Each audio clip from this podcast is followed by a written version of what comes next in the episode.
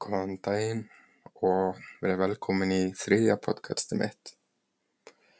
Í dag er ég að gera annað dönskuverkefni og í því á ég að lesa texta aftur og þýðan. Ég mun bara gera þetta eins og síðast, lesa danska textan fyrst og svo þýðinguna og svo útskýra svona smá hvað textin er um. Tirsdagen. Jotka liiga med tirsdagen. Men mandagen. Kunne man ikke sløyfe den helt. Holde en sabbat mandag.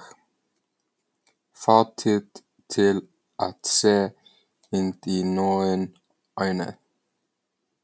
Finde ut af hvem man godt kan glæde sig over hinandens tager. Tenk på hvor lang tid det kan gå før man oppdager at et annet menneske har en mer smuk munn eller en glad hand. Det var noe i den retning man skulle bruke mandagen til.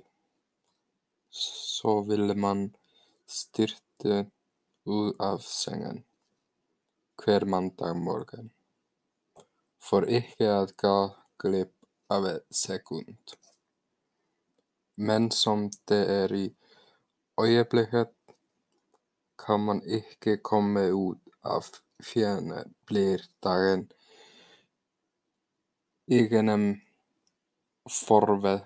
blir dagen igennem forvekslet med sin dine. Hvor dårlig selvmerkeforskel. Det er ingen der fløjte om mandagen. De fleste ulykker sker om mandagen. Det er ingen der har en tentisk om mandagen. Man blir minst fem år aldre om mandagen. Det er ingen der venter på en om mandagen. Kunne man bare lave om på mandagen. Hvorfor er det alltid mandag om mandagen? Det slår aldrei feil. Og núna kemur íslenska þýðingin.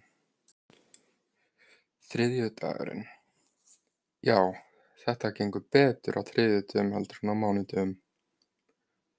Maður getur ekki bogið það alveg til hvíldarmánudags og að fá tíma til að sjá í sum augu og hverjum manni líkar við og vera glaður yfir tánum hvors annars og að hugsa um hve langur tími gengur fyrir mann að uppgötva að önnur manneskja hefur flottan munn eða glaða hendi. Það er í þá áttina að maður á að nota mánudaginn fyrir. Það er það sem hendir manni úr rúminu hvern mánudagsmorgun. Til að missa ekki af sekúndu. Og svo er það augnablikið sem maður kemst ekki út úr fjöðrunum, ruglast við sængina sína yfir daginn. Það er erfitt að finna muninn. Það er ekkert sem flýtur á mánudögum. Flest ólánin gerast á mánudögum. Það er enginn með tannstöngul á mánudögum. Maður elst um fimm ár á mánudögum. Það er ekkert að bíða eftir á mánudögum. Það sem maður getur gert á mánudögum.